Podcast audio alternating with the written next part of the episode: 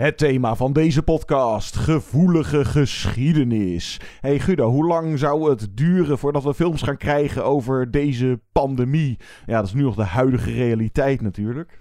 Ja, of over de avondklokrellen of zo. Dat zou ook wel interessant zijn. Ja, volgens mij moet je daar gewoon niet te lang mee wachten. Nou ja, laten we het gaan maken na de coronacrisis. Als het gevaar een beetje is geweken. Ik zeg we, laten we de film dan ook zelf maken. Maar wie gaan we dan casten in de belangrijkste rollen? En dan, ik ben altijd tegen van die acteurs die dan lookalikes zijn van de echte personen die ze moeten voorstellen. Dus volledig against character casting. Ja, dus als Mark Rutte, uh, die man van de, van de Jumbo, uh, Ferry, Frank Lammers. Frank Lammers. ja. En dan als Hugo de Jonge, Tycho Gernand. ja, en natuurlijk uh, Pierre Bokma als viruswappie. De hele klas heeft een onvoldoende. Allemaal onvoldoende.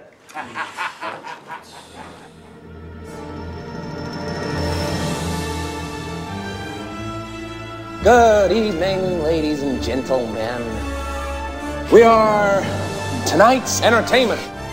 Movie Insiders. They're here. Why should I waste my time listening? Because I have a right to be. I have a voice. Groovy.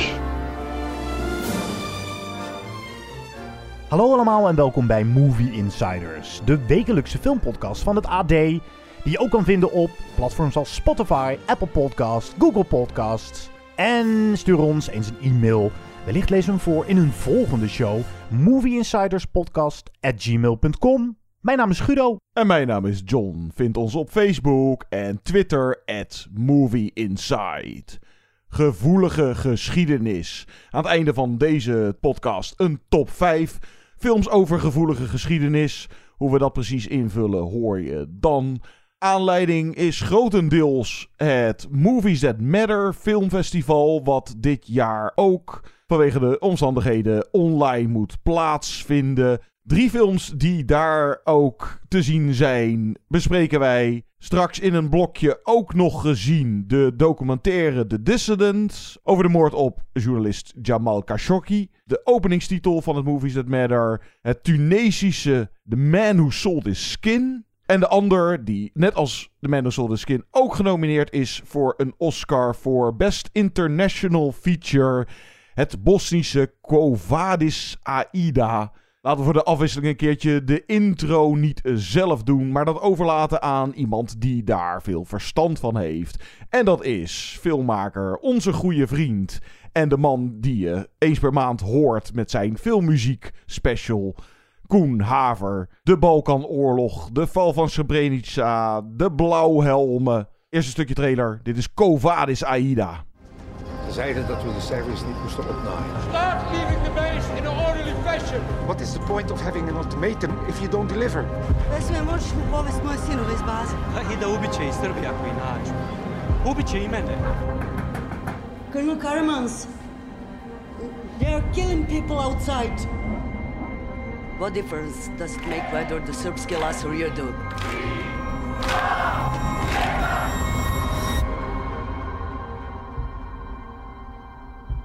Dobedan, hallo Guido en John, Koen hier.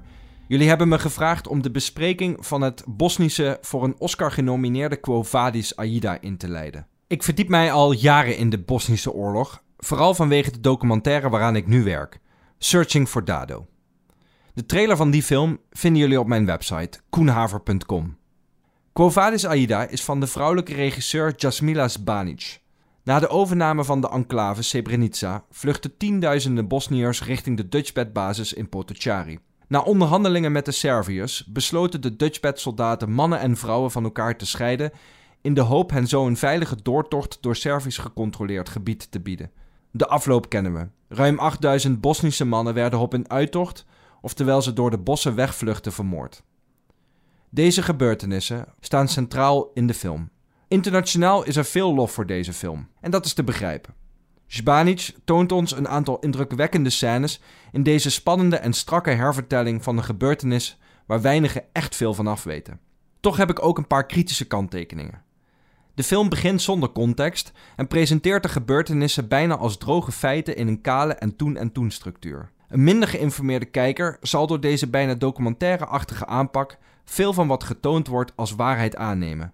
Maar er wordt vaak met de waarheid gespeeld en er wordt weinig echt goede uitleg gegeven. De regisseur lijkt liever te gaan voor scènes waarin gebloot wordt of teruggedacht wordt aan een leuk feestje, dan tijd en ruimte in te bouwen om vragen te stellen als: wat was de oorsprong van dit conflict? Wat was de rol van de VN en Dutchbat in de enclave? En wat was eigenlijk echt de verhouding tussen Aida en de Dutchbatters?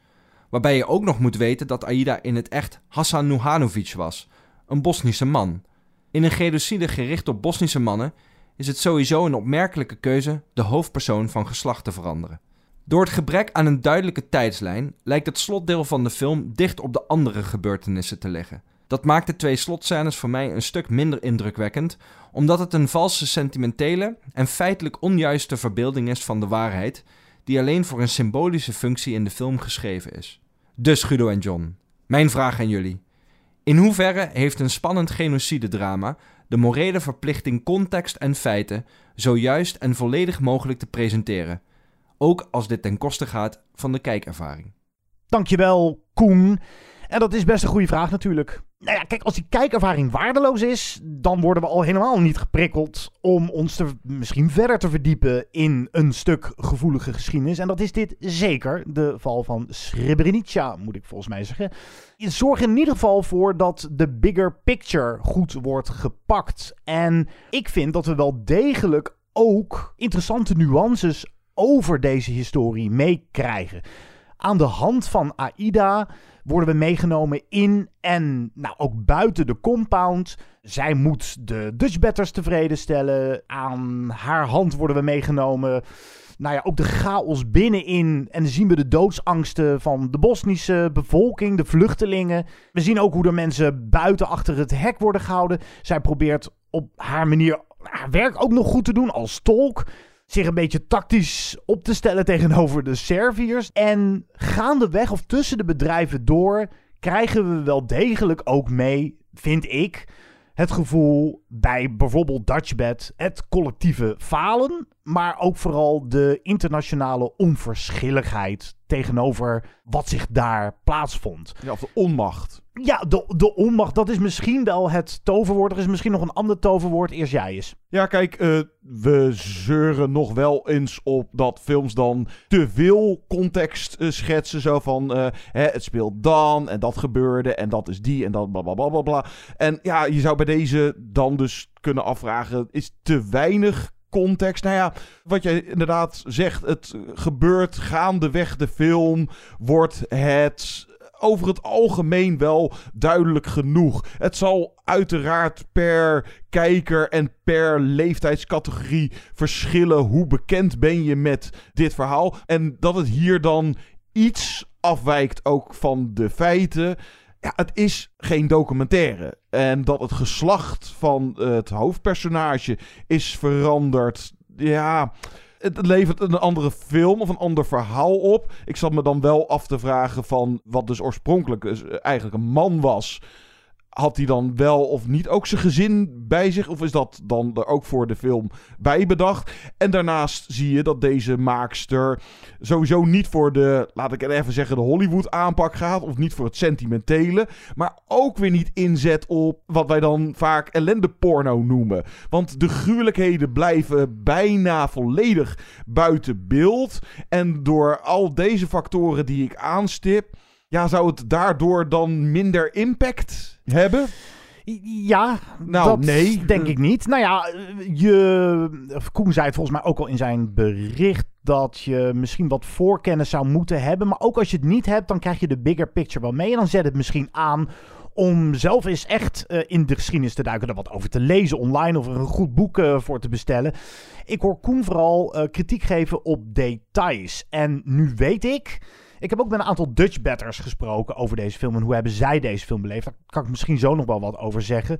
En wat ik steeds meekrijg is dat die details en die nuances eigenlijk van cruciaal belang zijn om deze zwarte bladzijde goed te kunnen lezen. Maar ja, daar heb je gewoon bijna geen ruimte voor in een speelfilm. Dan moet je vooral een gevoel meegeven. En je houdt altijd een. Uh, is een film waar gebeurd of gebaseerd op een waar gebeurd verhaal, relaas, een geschiedenis dan zijn er altijd mensen die erbij waren of zich ooit echt heel grondig in de geschiedenis hebben verdiept, die dan er kritiek op kunnen hebben. Als de film maar een duidelijk perspectief kiest, vind ik. En dit is vooral een film vanuit het Bosnische perspectief. En ja, die zagen misschien Dutchbed te weinig uitvreten daar hebben dus de Dutchbatters die ik heb gesproken, die daar echt aanwezig waren, ehm, moeite mee. Zij... Snap ik, ja. Wat ik zei, die onmacht. Ze zijn passief. Maar ja, Ja. wat je dan niet in de film meekrijgt, maar nou ja... Je krijgt het toch wel degelijk mee als je volgens mij goed kijkt. De onmacht ook van de Dutchbatters. Ze waren daar eh, heel beroerd bewapend. Ze hadden geen duidelijk VN-mandaat. Ze konden eigenlijk niks. Waren een, ja, ze konden wel iets en ze hebben ook wel iets gedaan. Maar ze hadden echt wel een beetje met de handen in het haar van wat moeten we nu doen? Ja, en het is eh, eh, een tightrope walk, weet je. Het is koorddansen. Je moet alles en iedereen een beetje tevreden houden. En het is een hele lastige, moeilijke situatie. En ik vind dat de film toch wel degelijk tussen de regels door... dat in ieder geval schetst waardoor de kritiek die je kan hebben op de, de Dutch Batters zijn te passief, deden er geen flikker. Dat is maar net hoe je dat zelf interpreteert. Ja, en ik vind inderdaad dat uit de film ook goed duidelijk naar voren komt hoe zij. Ja, nou ja, de, de chaos en eh, op dat moment. En ze krijgen niet de airstrike eh, de, die ze beloofd was. En, of de hulp van buitenaf weer. Dus dan, kijk, tijdens het kijken zit ik ook zo van. Ja. Stuur dan in iedere bus met eh, mensen die worden afgevoerd één zo'n Dutchbatter, één zo'n blauwhelm mee of zo. Maar Ja, maar dat gebeurde ook wel. Oké. Dus, ja, maar, oh, oké, nou dat, dat zien we dan weer niet terug in de film. Ja, ze gingen waarschijnlijk niet met alle bussen mee, maar dat is iets Een waar... deel, ja, een deel misschien. Of, ja, we krijgen ook niet alles te zien, inderdaad. Je kan Het is- onmogelijk alles meenemen. Nee, het is ja. het perspectief en hier eh, vooral gezien vanuit AIDA. En nou ja, kijk, die morele verplichting, het is inderdaad sowieso, blijft dat een iets. Want ja, je hebt nou eenmaal vrijheid, eh, een beetje verkeerde woordkeuze, maar de vrijheid als maker bij deels eh, non-fictie. Nou, dit is ook natuurlijk dat je bij een momentopname en dus minder context. Ze legt de focus op een deel van het verhaal. Maar dan nog inderdaad het gevoel, de dreiging ook. Die het, het komt echt wel over. Zeker, zeker. En ja, er is ook niet echt sprake van een grove manipulatie, geloof ik, van de feiten. En inderdaad, je kan het best maar de kijkervaring gewoon er redelijk in de buurt blijven. Eh, misschien het verhaal voor dramatische doeleinden iets meer naar je eigen hand zetten. En verder vooral, ja, deze film gaat over angst, zweet, bijna. Het is een film over die snelkookpan-situatie. En dat, dat klamme zweet, dat, dat naderende onheil. Het deed me een beetje denken aan de films van Paul Greengrass als Bloody Sunday en United 93. Het is een, soort opgesloten situatie. Je weet, dit gaat niet goed aflopen. De paniek, de chaos. Wat moeten we doen? Nou, die sfeer is, vind ik, echt zelfs uitstekend getroffen. En ik kreeg er wel een beetje hartkloppingen van af en toe. Ja, een beetje de rillingen, die stressvolle situatie daar. En in principe informeert de film misschien ook nog wel mensen die inderdaad minder bekend zijn met. eh, het, het, het, het biedt niet het hele verhaal, maar het biedt een onderdeel daarvan. Moet ik Koen inderdaad wel tegemoet komen dat die tijdsprong die aan het einde plaatsvindt, die had beter gekund. Hmm, hoewel ik had er de, geen last van. de eind, de, het slot, het kwam eh, zeker binnen. eh, gecombineerd met het fantastische acteerwerk. En ja, dat is ook weer dan zo'n ding. Dat zouden, nou ja, misschien bijvoorbeeld Bosniërs. Ik, ik heb niet alle kritieken gelezen, maar daar kunnen ze ook weer over, eventueel over piepen. Die hoofdrol speelt hier Jasna Duricic. Ja, dat is een Servische. Weet je? Dus ja, Oh, zo kan je ook alweer. Nee, maar die is. Maar wel geweldig. geweldige Ja. actrice. Jeutje Mina, die ogen en die blik.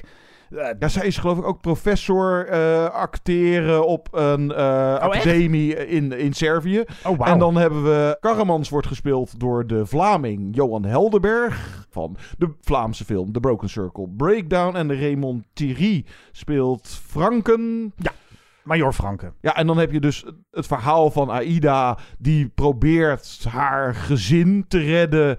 En ja, ze dan op een lijst te krijgen als dat het ook eh, VN-medewerkers zijn. Want dan kunnen ze met de Dutchbatters kunnen ze mee en dan zijn ze veilig. En ja, dan, je hebt inderdaad wat van die momentopname, maar dat is misschien ook maar fijn dat zoiets als even een blootje roken en iets van een droomscène die... Flashback. Flashback, ja. maar nou ja, die overgaat in dat ze eigenlijk de camera gaat gezichten langs van mensen die inmiddels alweer zijn afgeknald. Ik Dus vond dat een hele ja. sterke scène en een hele filmische scène. Dat is iets wat je niet met een documentaire kan doen.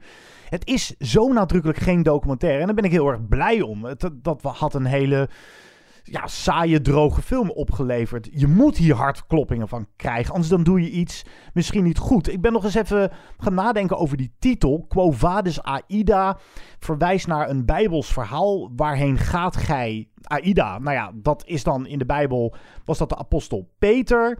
Die wist dat hij gekruisigd zou worden in Rome, liep daarvan weg. En had op een gegeven moment verzamelde de moed om toch terug te gaan en zijn lot onder ogen te zien. Dus eh, gaat het ook over wegkijken. En dat je de realiteit onder ogen moet zien, hoe moeilijk dat ook is. En dat is prachtig multi-interpretabel, ook op het einde.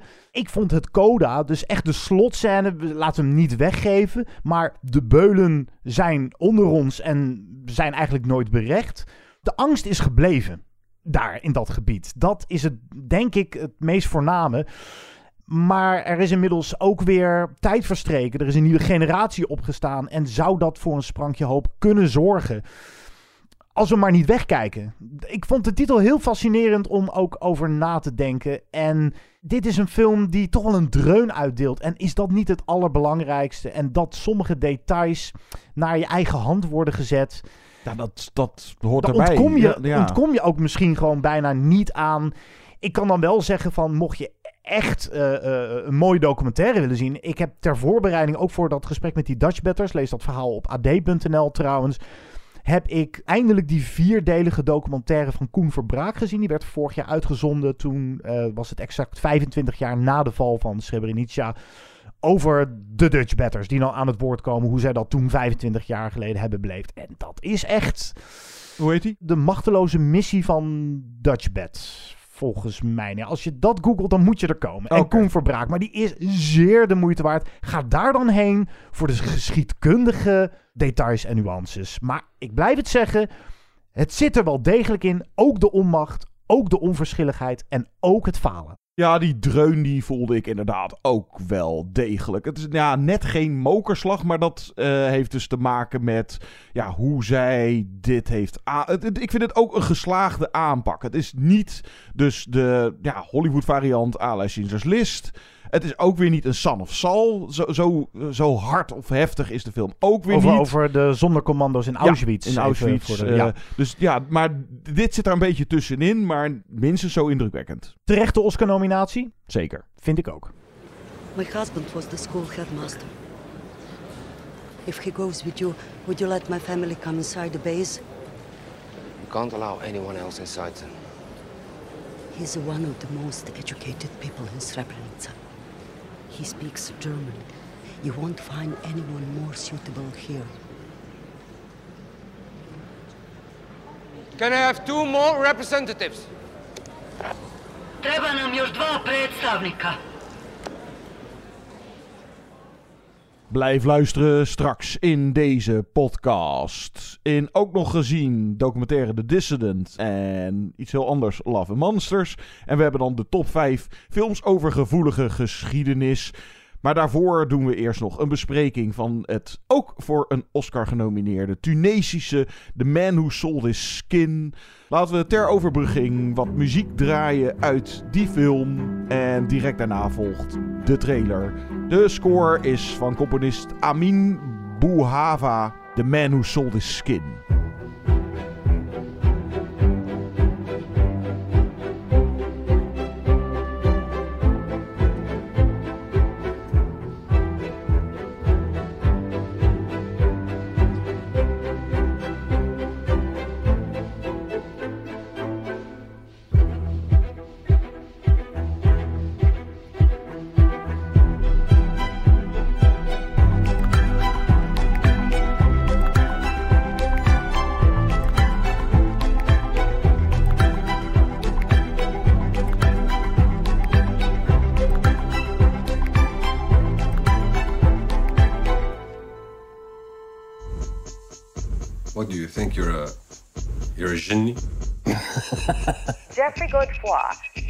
worthless objects into works that cost millions and millions of dollars just by signing them. You want my soul? I want your back. عشان الشغل بأوروبا كتير منيح شغل مع فنان تعرفت عليه هون هو فيه يظبط لي الفيزا وكل شيء بس يعني أنا لسه ما اللو ايه تعال تعال Ben jij uit op mijn ziel? Vraagt de van Syrië naar Libanon gevluchte Sam Ali aan een of andere kunstenaar. En die zegt: Nee, ik ben uit op je rug. Het voor een Oscar genomineerde The Man Who Sold His Skin van de Tunesische regisseuse Kouter Benhania is zo'n film die alleen al door zijn intrigerende vertrekpunt de moeite waard is. Het is losjes gebaseerd op het feitelijke relaas, gevoelige geschiedenis, dat is eh, up to you, van de Zwitser Tim Steiner, die in 2007 door een Vlaming, Vlaamse kunstenaar Wim Delvoye, werd ondergetatoeëerd en vervolgens als levend kunstobject de wereld overging. Ben Hania voorziet in The Man Who Sold His Skin haar filmverhaal van een wat meer politieke lading. Want deze Sam Ali's tatoeage betreft een enorm Schengen-visum op zijn rug. Met die afbeelding kan hij elk vliegtuig pakken en zo misschien wel zijn grote liefde Abir achterna reizen. Maar hij verkoopt wel degelijk ook min of meer zijn ziel. De jongen moet voortaan, zodra de egocentrische kunstenaar gespeeld door een Belg, Koen de Bouw, is dat bekend van Loft onder meer, dat van hem eist als een stuk merchandise uren stilzitten in verschillende musea. John, zoals ik al zei, de synopsis van The Man Who Sold His Skin die te zien is, dus op het online gehouden festival Movies That Matter, is fascinerend. Doet de film vervolgens voldoende met dat prikkelende gegeven? Nou, of de uitwerking nou helemaal werkt eh, van deze. Ik zag haar naam voor het eerst en zal ik de rest van mijn leven zie ik daar Kabouter staan. Maar het is Kouter Benhania, die hiervoor ook het eh, zeer geslaagde Beauty and the Dogs maakte uit 2017. Er zit gewoon een hele hoop interessante thematiek en vraagstukken in deze film. Misschien wel iets te veel. Of wil zij iets te veel hooi op de vork. En kijk, je kan ook de legende van Faust erbij halen. Die Jeffrey, die kunstenaar, zegt het ook nog een keer in de film van... Ja, ben ik dan Mephistopheles? En eh, ja, sluit je een pact met de duivel... dat je je huid ofwel je ziel verkoopt. Maar het is voor die Sam Ali zijn kans om te vluchten... of zijn mogelijkheid op een tussen aanhalingstekens beter leven. Of om zijn uh, liefde dan in. Dus verblijft in uh, Brussel, in België, op te kunnen zoeken. En ja, kijk, ding, natuurlijk. De achtergrond, uh, of ja, de achterliggende thematiek is natuurlijk de vluchtelingencrisis, de oorlog in Syrië. Ja, metafoor die je eruit kan halen. De, de visa letterlijk achter op zijn rug. En nou ik ga nog even door. Het eigendom zijn. Nou ja, hij heeft natuurlijk een contract getekend. En hij is of wordt een kunstwerk of een kunstobject. Maar is toch ook nog steeds wel een mens, een, een persoon. Dan komt daar misschien bijna iets uh, à la slavernij. Want hij wordt later zelfs nou, verkocht, uh, slash geveld. En dan is er ook nog een belangenorganisatie. Die uh, verdwijnen uh, in de loop van de film ook wel weer uit beeld. Maar die hebben het protest van... Ja, zo ga je niet met mensen of met vluchtelingen om. En die vragen daar de aandacht voor. Zal ik de laatste twee er ook nog even doorheen jassen? Ah, als je dan toch Moderne kunstwereld, uh, de satire. Het zal ook nog even te denken aan The Square. Die Gouden Palmwinnaar. De Zweedse film van Ruben Östlund.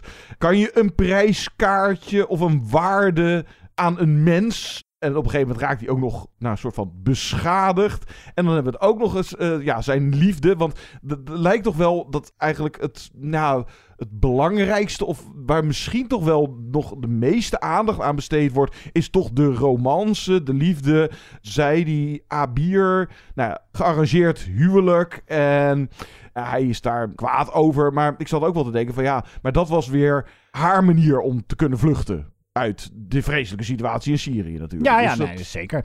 Nou ja, de metafoor is volgens mij duidelijk. Hij wordt een object, een kunstobject.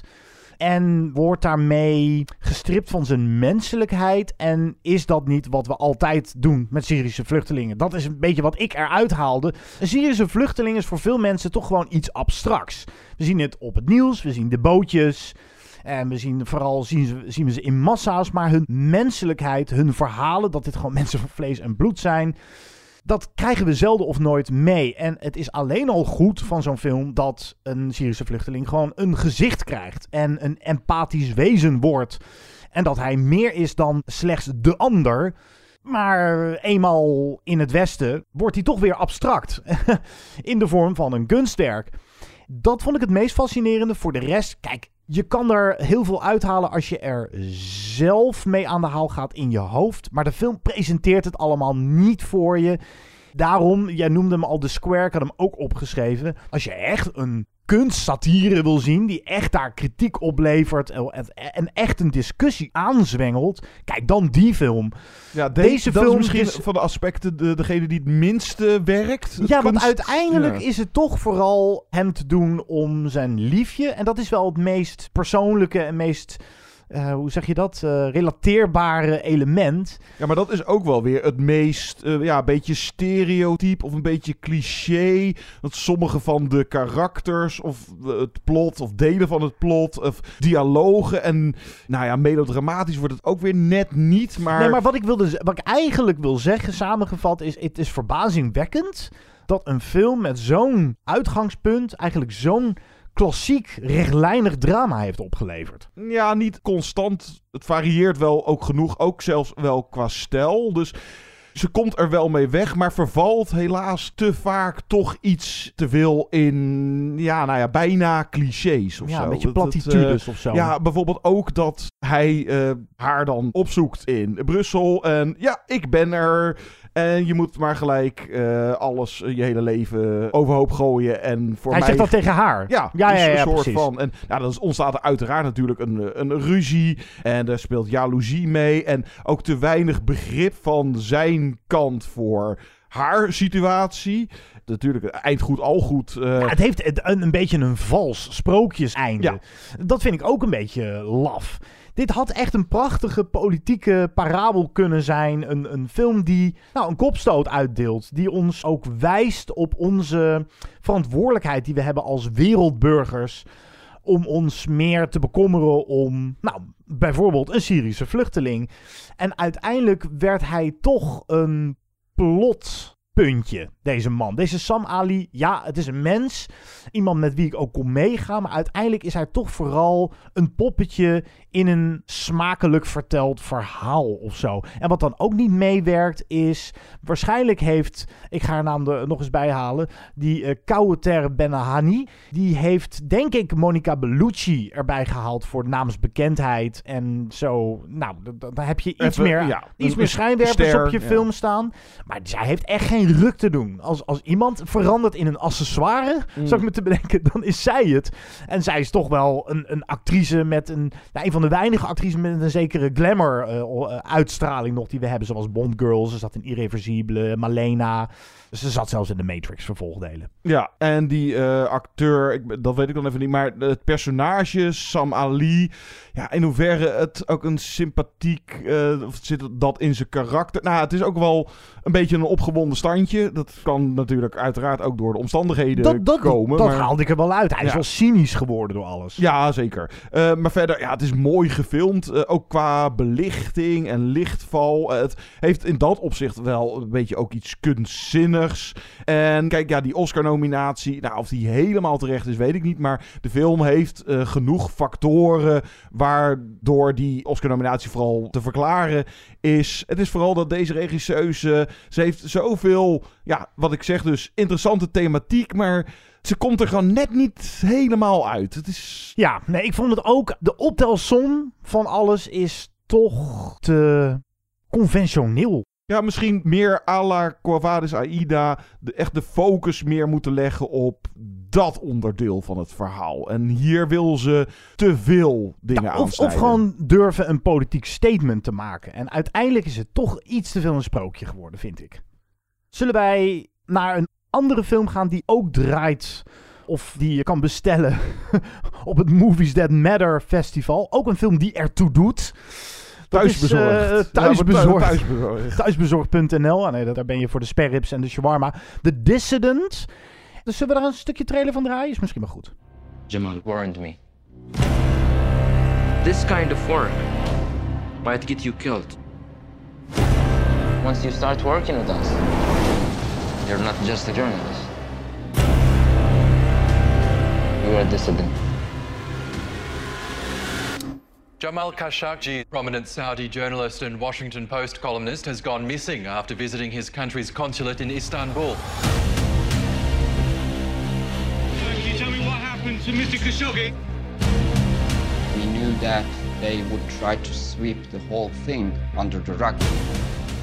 The Dissident, een documentaire van Brian Vogel, die eerder het Oscar-winnende Icarus maakte. En dit gaat over nou, vooral de moord op eh, Jamal Khashoggi.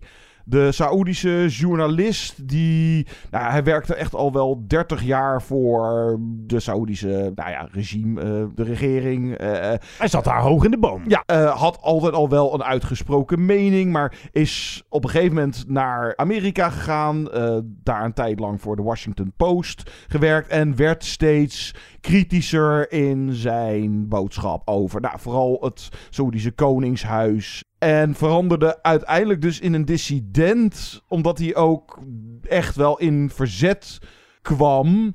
En daardoor door Saudi-Arabië ook eigenlijk op dat punt werd gezien als een dreiging. Want deze man heeft echt, zeg maar, 30 jaar voor ons soort van gewerkt. En is van alles op de hoogte. Dus die moet uit de weg geruimd worden. En eind 2018 is hij vermoord toen hij in Istanbul in het Saudi-Arabisch consulaat daar ja, iets van papieren, omdat hij eh, zijn nieuwe liefde wou gaan trouwen.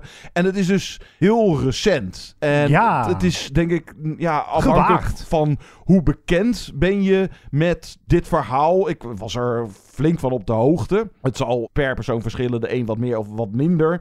Dus in hoeverre is dit informatief? Eh, ik haalde er echt ook wel wat nieuwe dingen uit. Je hebt de, eh, in deze documentaire Omar, achternaam weet ik even niet meer, maar dat is een andere dissident waar Jamal dan contact mee had. En zo kwamen ze erachter dat de kroonprins MBS, Mohammed bin Salam, Salem, geloof Salem ik. of zo, zoiets. eh, nou, en vooral dingen als dat Saudi-Arabië echt zo'n Twitter-leger blijkbaar, waarmee ze desinformatie. Dus ook als je, zoals ik, best al wel. eh, nou, ik heb dit hele verhaal dus rond die tijd wel Grote gevolgd. lijnen gevolgd, Dus, ja. kijk, eh, de documentaire wordt ook nog eh, af en toe, nou ja, een beetje spannend gemaakt. Als zijnde van wat er met hem gebeurde. Het is, het is een gruwelijke geschiedenis. Ja. Hij is in, in stukjes.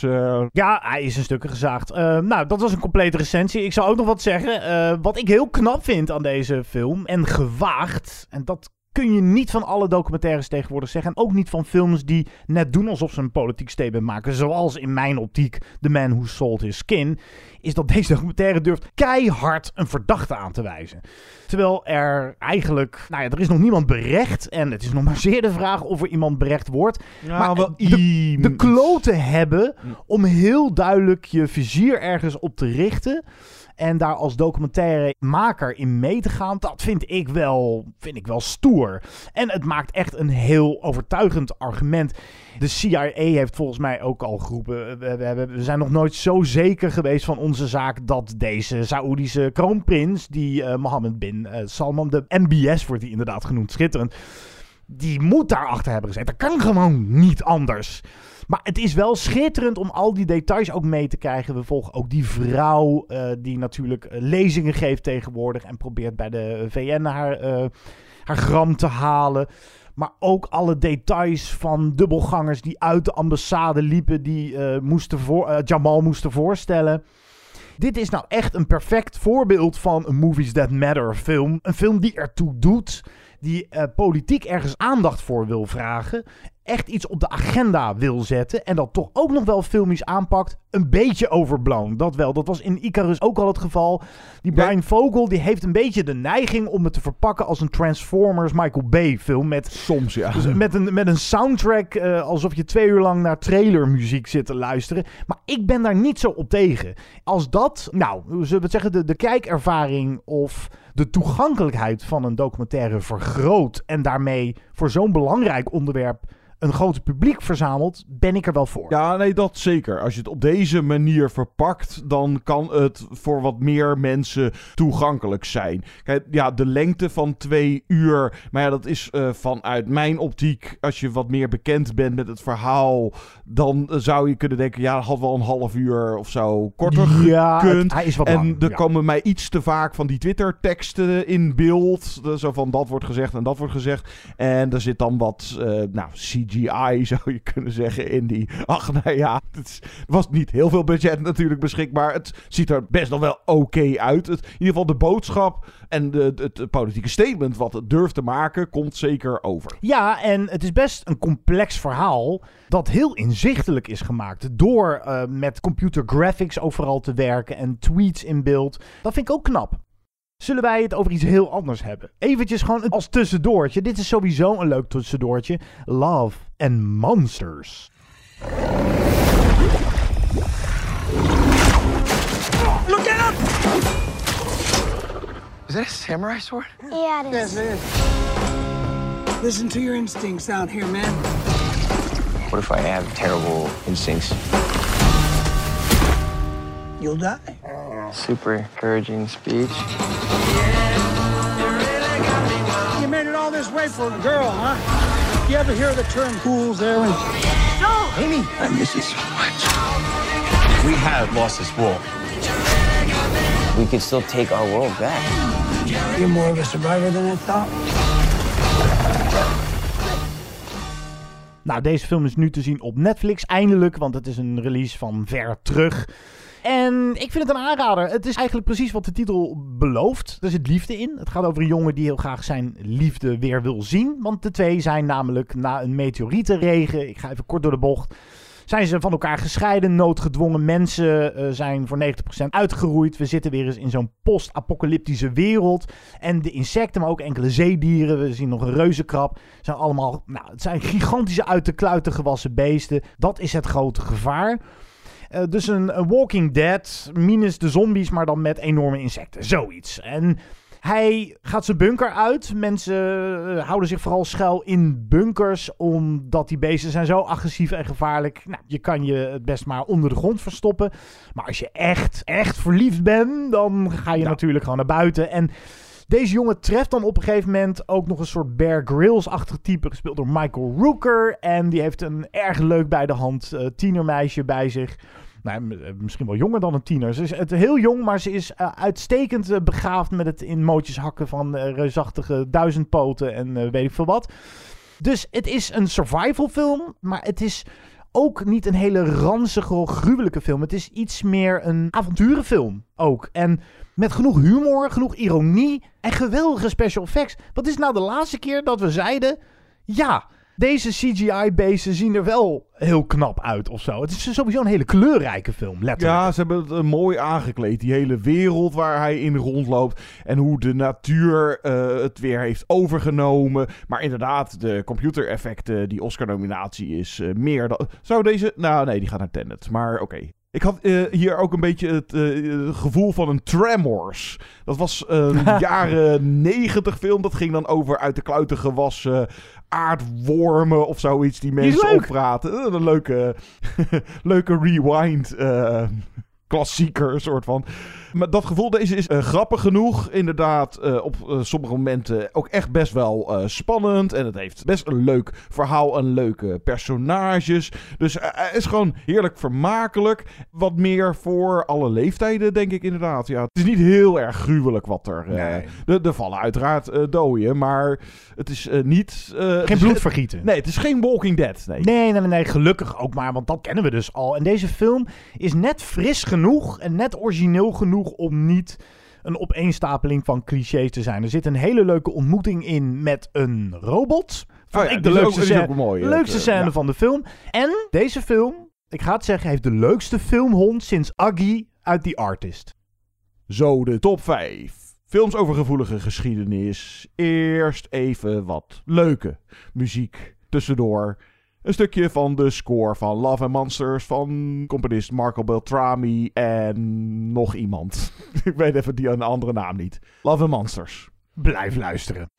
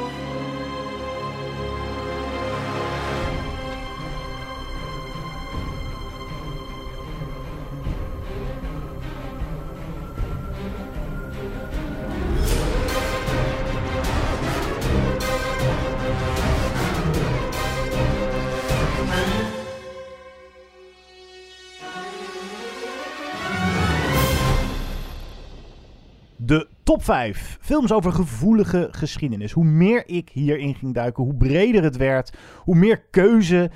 My god, maar je kan je eigen regels stellen. Volgens mij heb jij hetzelfde gedaan, maar ik ook. Geen documentaires, dus wil ik alvast de Memorial Award uitreiken aan een film die ik laatst voor de derde keer heb gezien. Een film, het is een documentaire reeks. Dat is OJ Made in America. Daar is in deze podcast al heel veel over gezegd.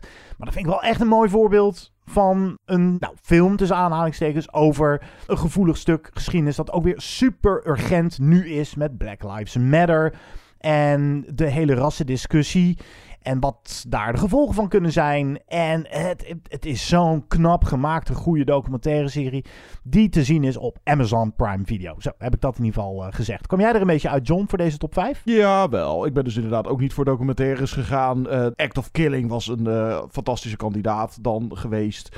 Over nou, de geschiedenis van Indonesië. ja, gevoelige of gruwelijke geschiedenis tussen aanhalingstekens. Of nou, onderwerpen dan niet zozeer. Maar ik zeg geschiedenis tussen aanhalingstekens.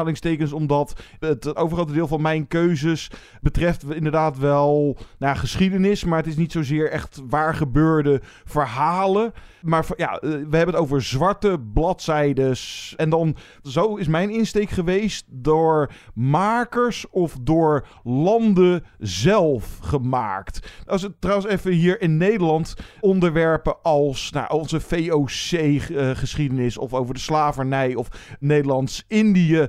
Volgende maand krijgen we dan wel die film De Oost, die nou, als de bioscopen nog dicht zijn, dan alleen op VOD uh, Ja, op verschijnt. Amazon ja, maar het zijn eh, van die onderwerpen, geschiedenis, waar je niet zo makkelijk eh, je vingers aan wil branden, omdat het natuurlijk ook geen leuke kost is.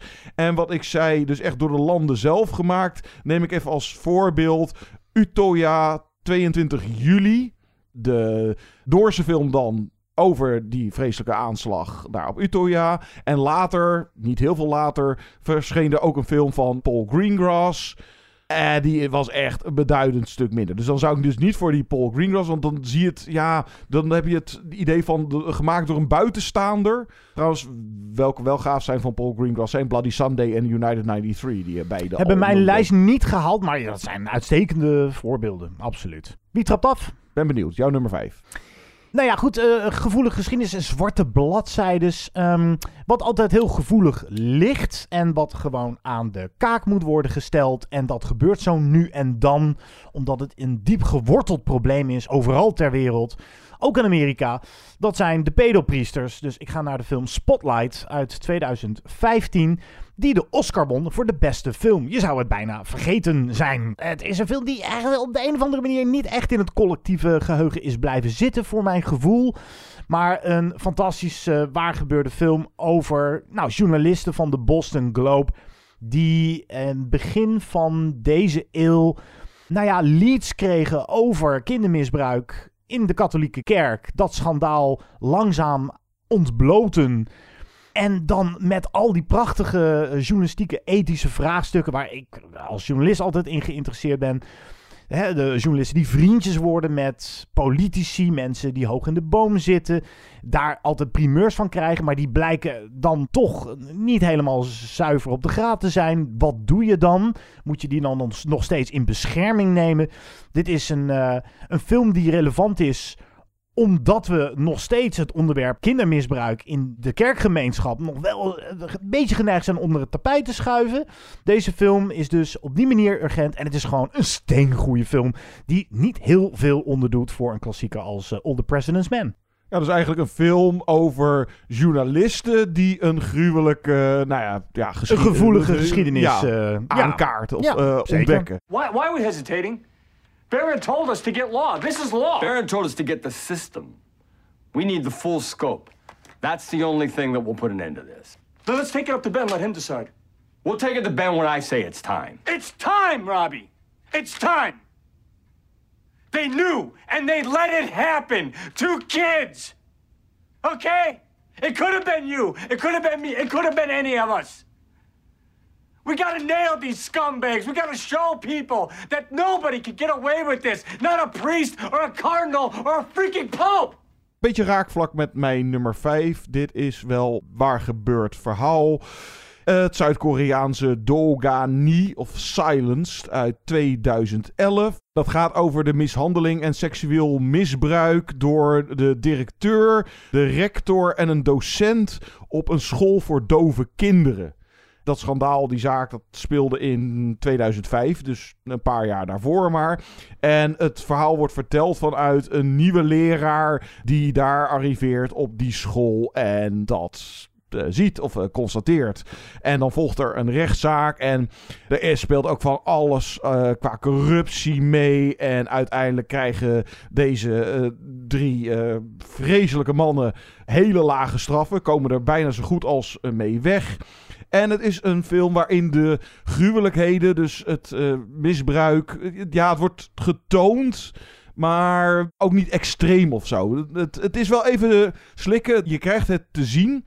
En het is blijkbaar ook wel een belangrijke film geweest. Een enorme hit ook in Zuid-Korea. En na de film heeft er zelfs een hervorming van een uh, gerelateerde wetgeving heeft er plaatsgevonden. Met betrekking tot het kunnen veroordelen van dit soort personen. En ja, met leeftijden had dat te maken en zo. Dus het uh, heeft nogal wat teweeg gebracht. Silenced uit 2011. Hmm, interessant. Mijn nummer vier. Ik blijf bij de journalistiek. Ik kan het niet laten.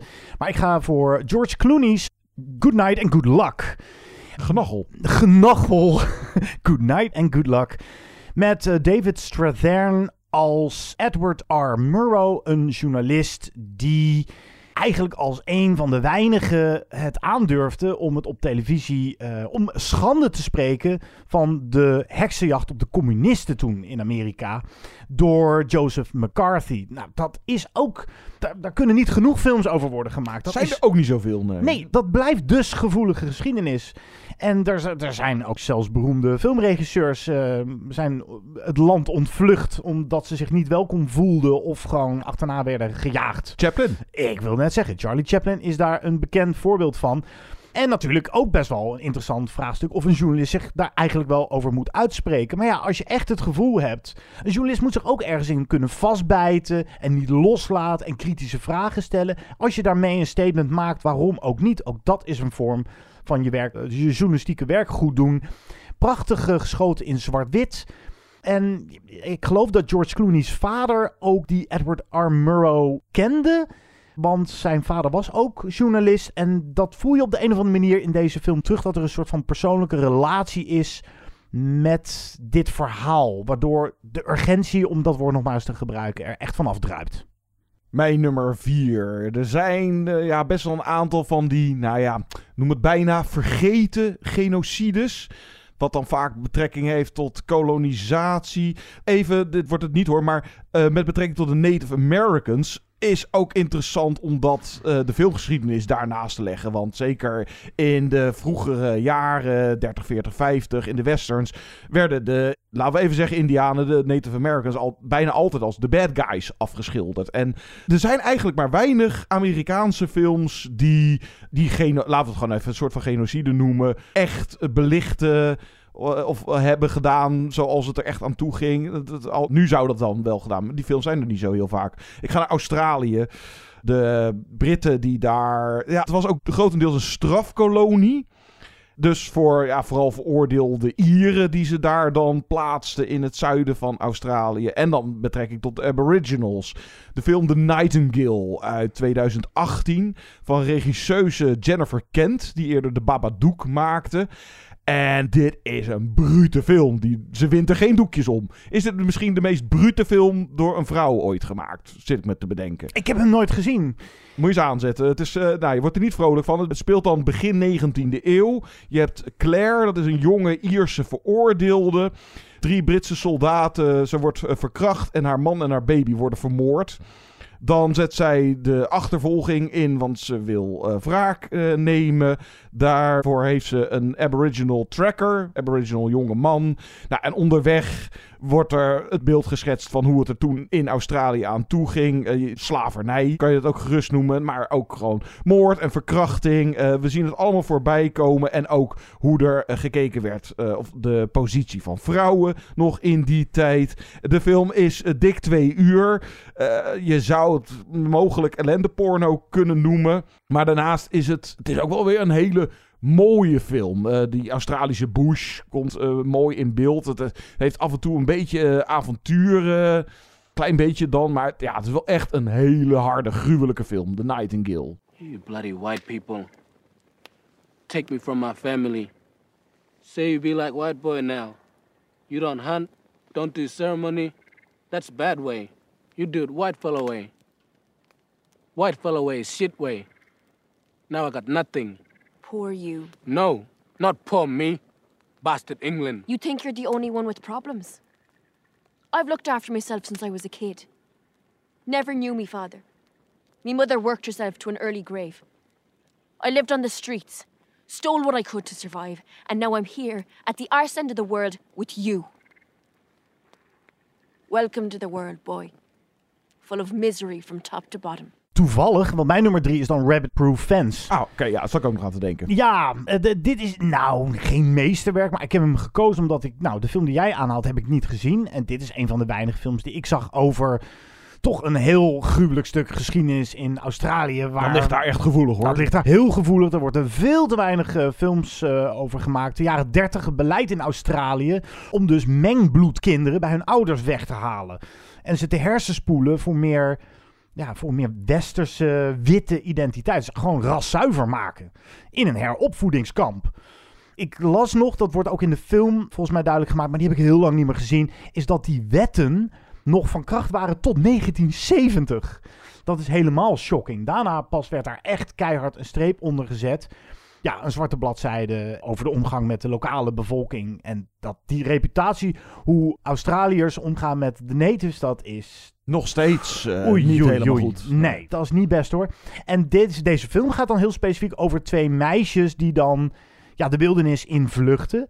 En waar gebeurt verhaal? Ik heb nog even opgezocht hoeveel ze hebben afgelegd met z'n tweeën. Het is echt shocking. In negen weken hebben ze 2400 kilometer afgelegd langs een konijnenfans, een, een, een prikkeldraad eh, hek. Aan het einde zie je dan twee bejaarde vrouwen, de twee bejaarde vrouwen die dat verhaal echt hebben meegemaakt. En dat eh, krijg je wel een brok van in je keel hoor. Nummer drie, eh, religie, of ja, de kerk. Dat, ja, vaak durven ze dat. Er zijn ook maar weinig films die ik me kan bedenken. Bijvoorbeeld over de Spaanse Inquisitie of over de heksenjacht. Ook zo'n gevoelig onderwerp. Eh, misbruik, inderdaad. Spotlight. Mijn nummer drie. Deze film komt uit Ierland. The Magdalene Sisters. Oh ja, Een film goeie. uit 2002. Van, hij is vooral bekend als acteur, maar heeft ook wel wat films geregisseerd. Pieter Mullen. Oké, nou dat is dan een schot. Het is geen Ier, maar nou, het speelt in de jaren 60. En je hebt dan drie eh, jonge vrouwen.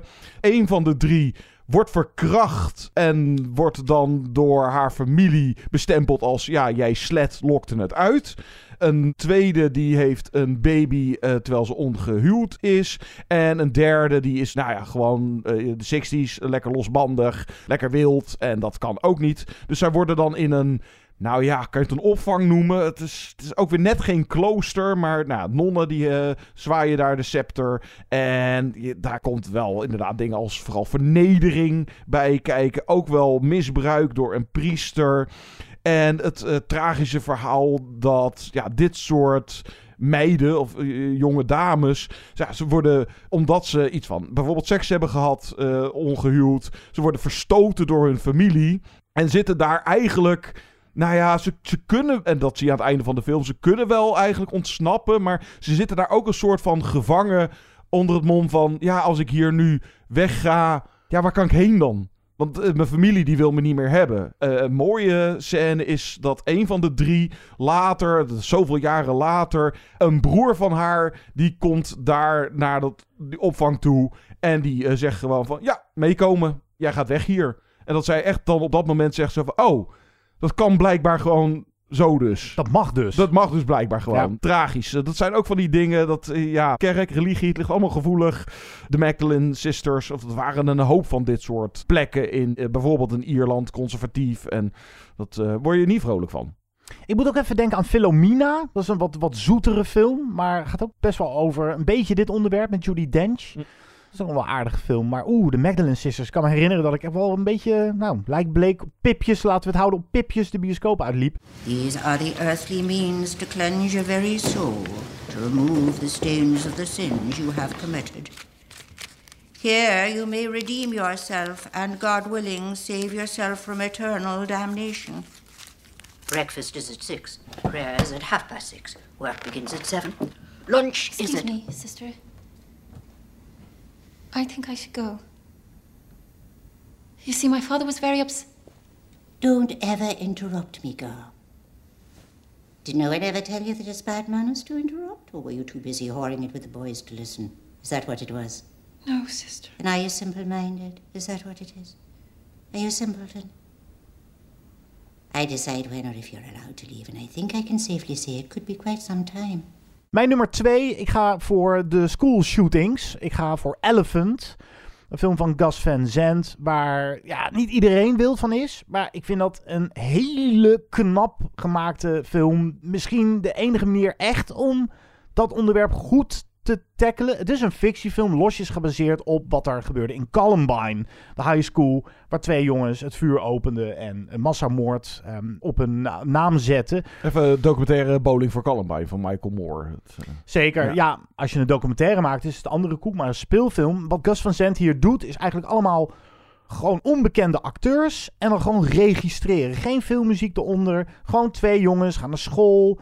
Nou, komen met dit plan, maar het wordt ook nooit hardop uitgesproken. En eigenlijk ben je als kijker gaandeweg op zoek naar clues om te kijken waarom hebben ze dit gedaan. En hoe hebben ze dat voorbereid? En waarom, wa- ja, het, gewoon het hele waarom van dit alles. Dat kun je saai vergoord droog noemen, maar je kan het ook een bijna journalistieke, neutrale aanpak noemen zonder te oordelen over iets of iemand. Want het is uiteindelijk wel gedaan door twee jonge jongens die ja, de onschuld voorbij waren. Ik ga het zeker niet goed praten. Maar waren het de omstandigheden? Je blijft met dat mysterie in je hoofd zitten. Het is een belangrijke film en de aanpak van deze film is ook nog steeds soort van uniek. Het levert niet een hele makkelijke kijkervaring op, maar het is wel een hele knap gemaakte film en geschreven ook. Dan mijn nummer twee, een film waar een hoop gevoelige thematiek in zit.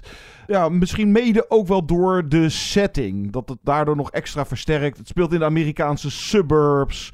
Far From Heaven uit 2002. Oeh, ook nogal, eh, over De- getwijfeld. Ja, film van Todd Haynes, die ook het fantastische Carol maakte. En Julianne Moore eh, speelt hier een huisvrouw. Het speelt in de jaren 50. En eh, dingen als racisme is natuurlijk nog volop aan de... Niet dat het nu weg is, maar zeker toen was dat nog volop aan de orde. En dan bijvoorbeeld ook eh, hoe er naar haar gekeken wordt... dat zij begint, krijgt een affaire met haar gekleurde tuinman. Dus dat is ook weer zoiets wat... Ja, dat was not done. Eh, dat je überhaupt op zo'n gekleurde man kan vallen. En dan is daarnaast ook nog eens haar man homoseksueel. Zit grotendeels in de kast, maar gewoon dat je... Als je het zo vertelt, dan is het, eigenlijk- lijkt het wel een slechte film. Ja, bijna. nou, nee, het is prachtig. Het is, prachtige het is een, echt eh, een meesterwerkje. ja, dat je echt, het- nou ja, het zeg maar perfecte Amerikaanse gezinnetje daar in zo'n buitenwijk. En dan naar de buitenwereld ook vooral de schone schijn ophouden. Maar ondertussen, achter de deur, eh, gebeuren de dingen die, eh, nou ja, niet door de beugel kunnen. Of althans, eh, als je het vanuit de normen en waarden van vooral Amerika eh, en die tijd of het eh, conservatief, eh, ja, dat lag allemaal nogal gevoelig. Dat werd vooral ook stilgezwegen. Dat gebeurde allemaal, maar daar hebben we het niet over. En dan de prachtige muziek van eh, Elmer Bernstein. Een van zijn laatste scores, geloof ik. Volgens mij is het zijn laatste. What is it? What happened? I wanted to see you in person, Raymond. I. I just. I can't. Can't what? It isn't plausible for me to be friends with you. You've been so very kind to me, and I've been perfectly reckless and foolish in return, thinking. Thinking what? That one person could reach out to another? Take an interest in another? That maybe for one fleeting instant could manage to see beyond the surface? Beyond the color of things? Do you think we ever really do? See beyond those things?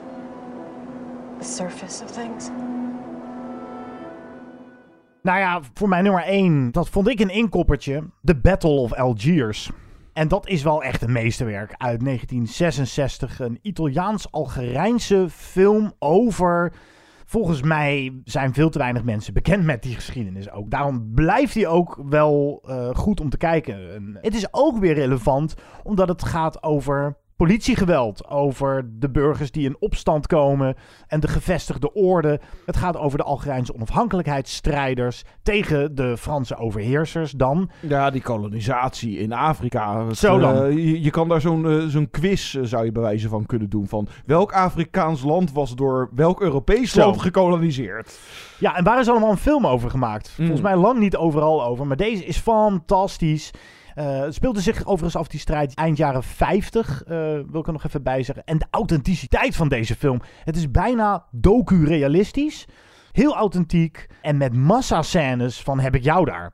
Daar staat deze film ook bekend om. Om de enorme hoeveelheid figuranten die kwamen opdraven. Omdat ze allemaal het belang voelden van het maken van deze film. En het is ook een film die beide kampen aan bod eh, laat komen. Ja, Dus- en, en geen van beide echt eh, zozeer eh, Voortrekt meer, ja, meer of- positief Nee. afschildert dan de andere. Nee, dat maakt dit, maakt dit ook nog eens een hele knap gebalanceerde of uitgebalanceerde film. Als je hem nog nooit hebt gezien, geen saaie kost dit. Eh, dat was die Elephant, mijn nummer 2 misschien wel. Maar dit is ook wel een toegankelijke film. Hier krijg je ook hartkloppingen van hoor. Battle of Algiers, mijn nummer 1.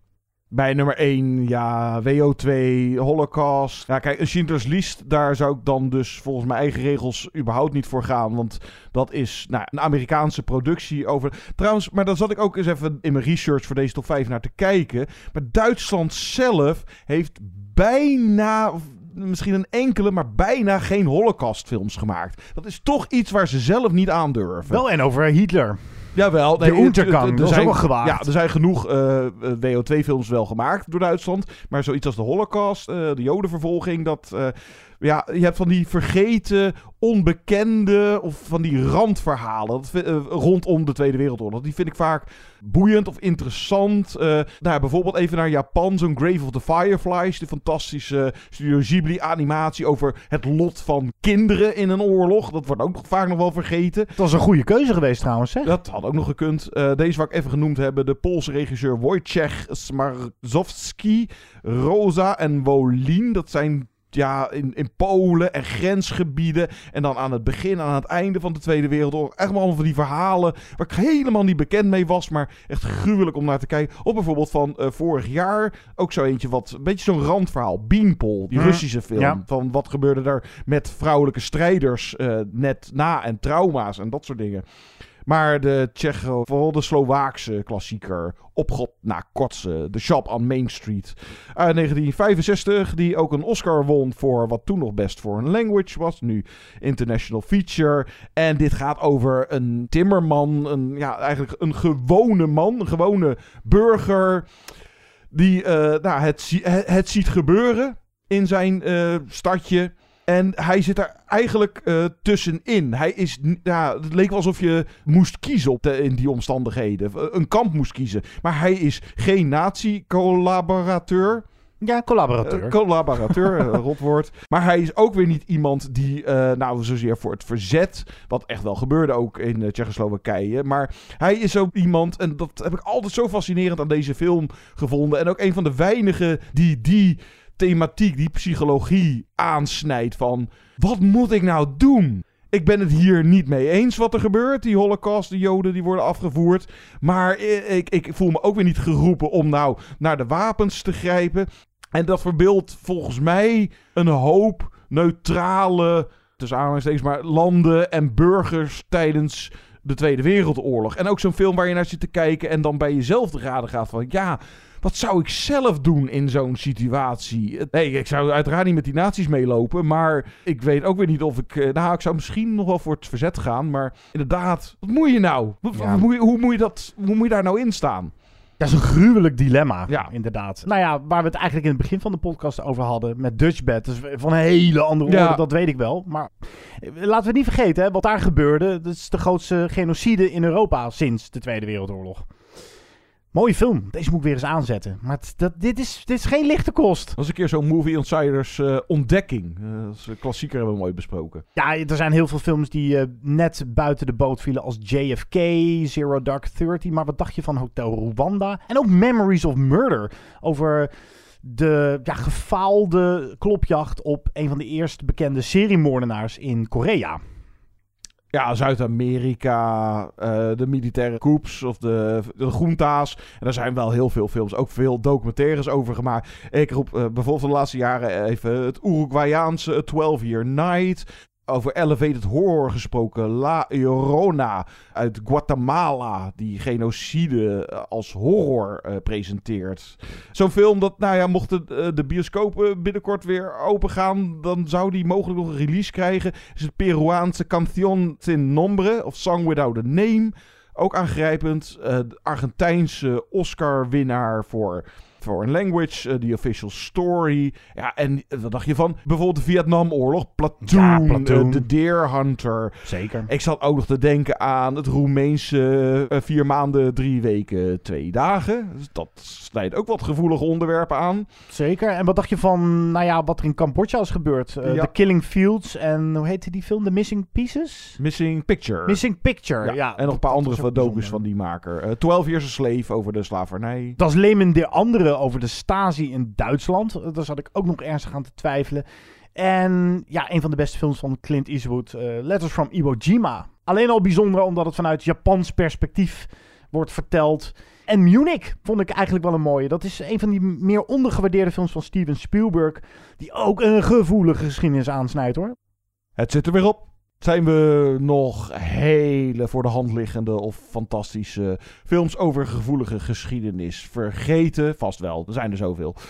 Nou ja, ook weer niet heel veel. Want het blijft natuurlijk toch iets, het ligt gevoelig. Dus er worden ook niet aan de lopende band films over gemaakt. Nee, maar wat ik al zei, als je, nou mijn shortlist, ik heb hem hier voor me, die is toch wel flink. Jawel. Nou, zeker de laatste jaren. Hoe langer het geleden is... Maar soms heb je ook nog wel eens eh, films die gemaakt worden als het nog aan de orde is. Of als Zeker. het net gebeurd is. Heb je uiteraard ook voorbeelden van. Maar ja, goed. Ehm, zijn we wat vergeten? Laat vooral van je horen. Geef bijvoorbeeld een reactie op onze site movieinsiders.nl. Je kan van je laten horen op Facebook, Twitter, at movieinsight. Je kan een mailtje sturen met eh, verhaal, vraag, suggestie, opmerkingen. movieinsiderspodcast.gmail.com je kan deze podcast beluisteren via Spotify, Apple Podcast, Google Podcast en tal van andere players.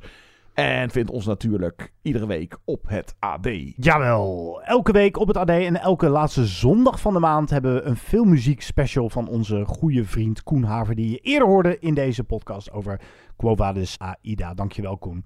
Laten we eruit gaan met eh, prachtige filmmuziek uit een van jouw noteringen. Eh, Far From Heaven heeft inderdaad dat prachtige thema van Elmer Bernstein. Dat is echt zo'n componist van nou, de Golden Age of Hollywood nog. eh. Ghostbusters ook van hem, toch? geloof ik? Ja, ook Ghostbusters. Maar hij gaat heel ver terug.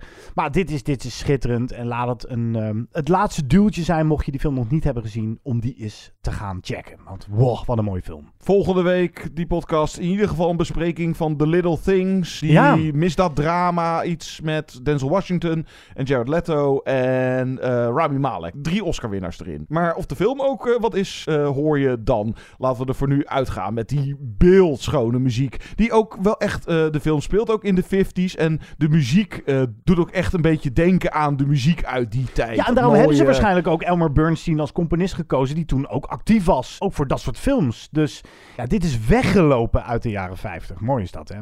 Tot de volgende keer. Tot volgende week.